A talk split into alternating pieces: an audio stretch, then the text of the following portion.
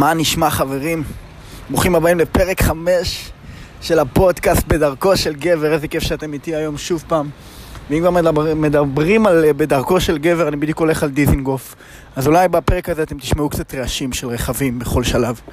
אני פשוט אה, הרבה מאוד רוצה לשתף איתכם את הרעיון הזה שספגתי אותו ממש לאחרונה.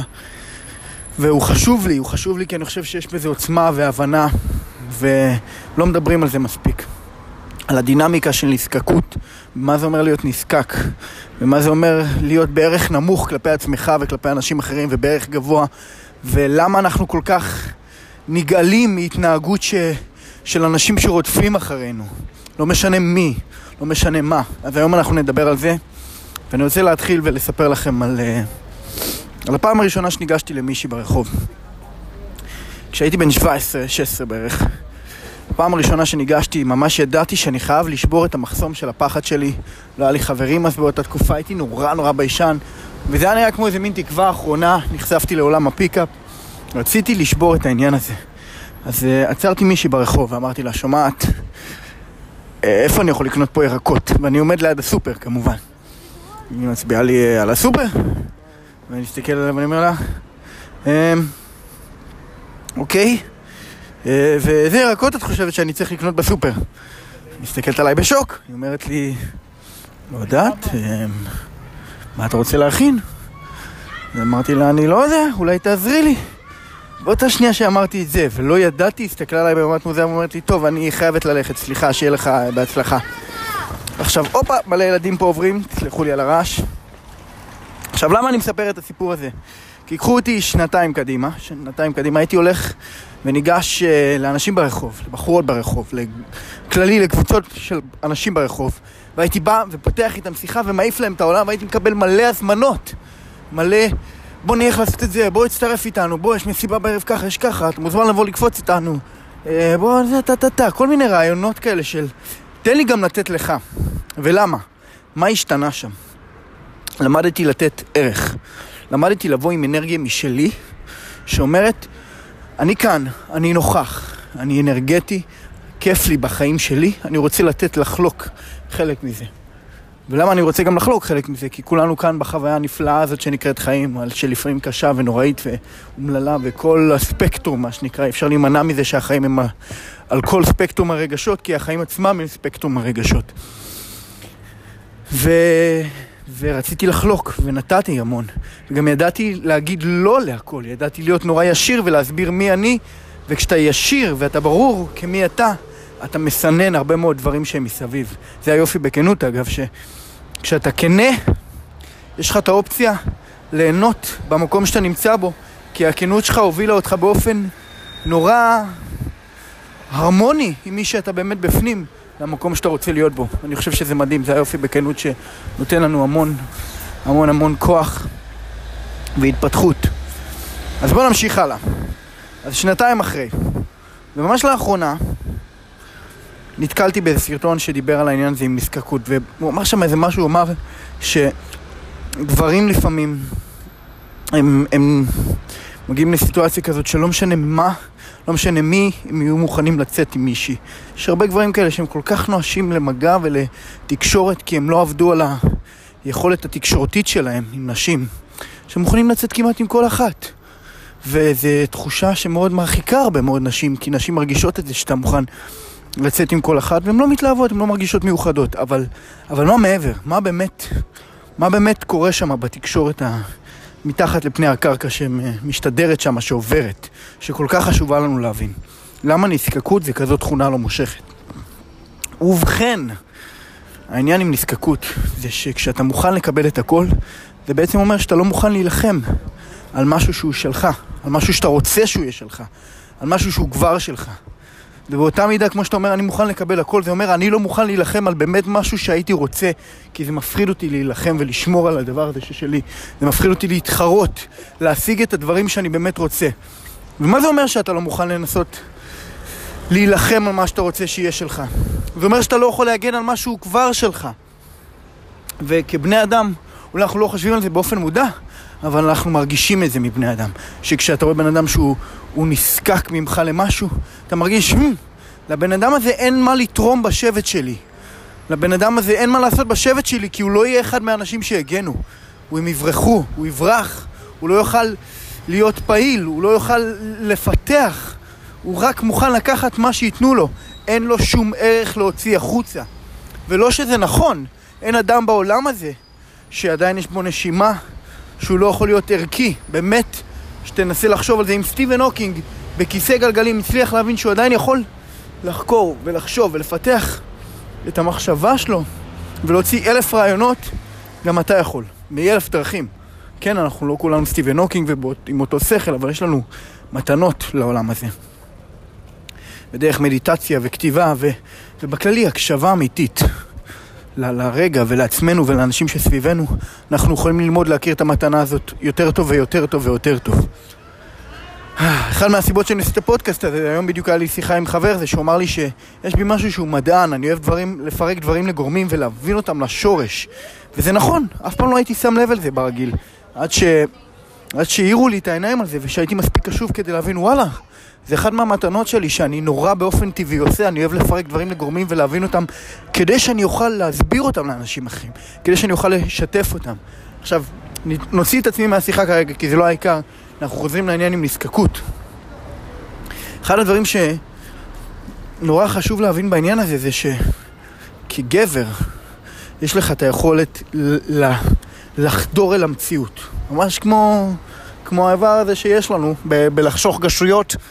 אני מאמין שיש לנו את היכולת להיכנס פנימה לעולם הזה ולהשיג משהו שאנחנו רוצים לחדור ו- ולמצוא את, ה- את הדבר הזה שאנחנו רוצים.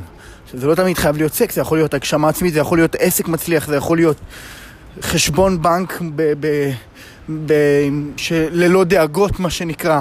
זה יכול להיות ציור מטורף שעשינו, זה יכול להיות תרומה לקהילה, זה יכול להיות אלף ואחת דברים, אבל יש שם איזה עניין של מתנה שהיא נמצאת בתוכנו, שגם אגב אצל נשים יש את זה, פשוט אצל גבר לפעמים הרבה יותר קיים העניין של התחרותיות, וה, וה, ושעוד הרבה אנשים סביבך רוצים את הדבר הזה, ואתה חייב לצאת לה, לעולם ולהשיג אותו. עכשיו שוב פעם, גם אצל נשים יש את העניין הזה. פשוט בפודקאסט הזה אנחנו לא מתמקדים בנושאים של נשים יותר, כי אני וואלה, אני לא יכול להזדהות עם זה כל כך ולהבין את זה לעומקו. אני יותר מדבר בשביל הגברים שנמצאים סביבי, מתוך הרעיונות האישיים שספגתי בחיי, דברים שאני כבר טיפה יותר יודע. ולנשים אני לא יודע כל כך לתת עצות, אני כן יודע להקשיב, אבל אנחנו פחות שם כרגע. אז מה זה אומר בעצם? זה אומר שבתוכנו אנחנו צריכים ללמד, ללמוד, לדעת, לקבל את התחרות, לקבל את, ה, את המשחק, את הקושי, לדעת לקבל את הלא. וזה כזה עוצמתי לדעת לקבל את הלא. כי, ואנחנו ניגע בזה בעוד פודקאסט נוסף, כי כשאתה לומד לקבל את הלא, אתה לומד להילחם על הכן. זה כמעט אותו דבר, כשאתה לומד לקבל את הלא, אתה יודע להילחם על הכן. אתה מוכן להמשיך הלאה ולחפש את הכן הבא. או להמשיך הלאה ולמצוא את הדרך הבאה אל הכן. וזה זה קשה לאנשים לפעמים, וזה בסדר שזה קשה. כי בפעמים הראשונות שאנחנו מתחילים משהו, הוא יהיה לנו מאוד מאוד קשה. זה כמו לרכב על אופניים. שמעתם את זה כבר, אני לא צריך להרחיב. אבל כשאתה מתחיל משהו, הוא קשה. וצריך לדעת לעבור את התקופה הזאת. אז בעניין הזה של נזקקות ובכללי בתקשורת, אנחנו צריכים להבין שיש את העניין הזה שפשוט כשנתחיל משהו, אנחנו לא נדע עליו הרבה. וכשאנחנו רוצים לעלות משלב שאנחנו מרגישים בו שאנחנו לא יודעים כלום, אנחנו צריכים להתחבר ליכולת הזאת לקבל את הקושי ואת האי ידיעה ולעבור אותה. לפעמים כשאני מסתכל על הומלסים ואני מדבר עם, יש לי הומלס שמגיע הרבה לעבודה והוא משתף איתי את הסיפור שלו, למה הוא לא מוכן לעבוד זה בכל עבודה, כי כל עבודה מוציאים אותו. וזה לא באמת כל עבודה. בוא נגיד והוא עבד באיזה חמש-שש עבודות וכנראה שבגלל שיש לו בעיות באופי אז הוא פוטר מכולם באופן קשה ולא יודע מה, אפילו עשר, חמש עשר עבודות, אתם יודעים מה? בוא נגיד חמש עשר. אבל אין לו עכשיו שום כבוד עצמי לעמוד על שלו. וזה מטורף העניין הזה שאין לו שום כבוד לעצמי לעמוד על שלו. כי זה בדיוק העניין, אני לא הייתי רוצה אותו בשבט שלי. הוא כל הזמן, כל הזמן, כל מה שהוא אומר לי, ונשבע לכם שהוא אומר לי את זה, לא מעניין אותי הכסף, מעניין אותי לדבר עם אנשים. אבל מי ירצה לדבר איתו? מה יש לספוג ממנו חוץ מ mindset של מסכנות? של כאילו... אחי, כל מה שאני רוצה, כל מה שאני מרגיש זה שאתה רוצה לקחת ממני. אז מה יש, מה יש לך לתת לי פה? אנחנו לא יכולים להתעלם מזה כבני אדם ש... זה דברים שאנחנו מונעים מהם. כן, ברור שיש בנו חמלה, וכן, ברור שיש בנו רצון לעזור, אבל אי אפשר להתעלם מזה שהחיים הם, הם יין ויאנג, יש נתינה וקבלה, יש משחק, זה ריקוד. אתה לא יכול לרקוד את המשחק הזה לבד, אתה לא יכול לשחק בו לבד, אתה לא... פשוט זה הופך להיות סוליטר. ואף אחד לא רוצה לשחק סוליטר. מה לעשות? בגלל זה המשחק הזה מת איפשהו בהיסטוריה. משחקים אותו רק כשאתה fucking לבד, בכלא. אז, קצת גלשנו היום, אני יודע, הנושא הזה עוד הוא, הוא בפשטות נורא מובן ובמשפט, שזה סך הכל נזקקות והתחושה הזאת שאנחנו רוצים להימנע ממנה זה העניין הזה שאנחנו רוצים להרגיש שהבן אדם שלידינו מסוגל לתת ערך. ואותו דבר לגבי עצמנו, אני חושב שהערך העצמי שלנו נובע מהיכולת שלנו לתת, במיוחד כגברים, היכולת שלנו לתת חזרה למשפחה, לסביבה, לחברים. שמה, כשאנחנו מתחילים להתנתק מהתחושה הזאת של להזדקק למשהו אחר, וזה לא אומר שלפעמים אנחנו לא נצטרך עזרה, אבל האם אתה, האם אתה מעדיף יד שתדחוף אותך קדימה, או שאתה צריך יד שתדחוף אותך קדימה? אתה יודע, לפעמים זה הבדל עצום. זה הבדל עצום, כי כן, אתה רוצה לפעמים לדעת שאתה יכול להסתדר לבד.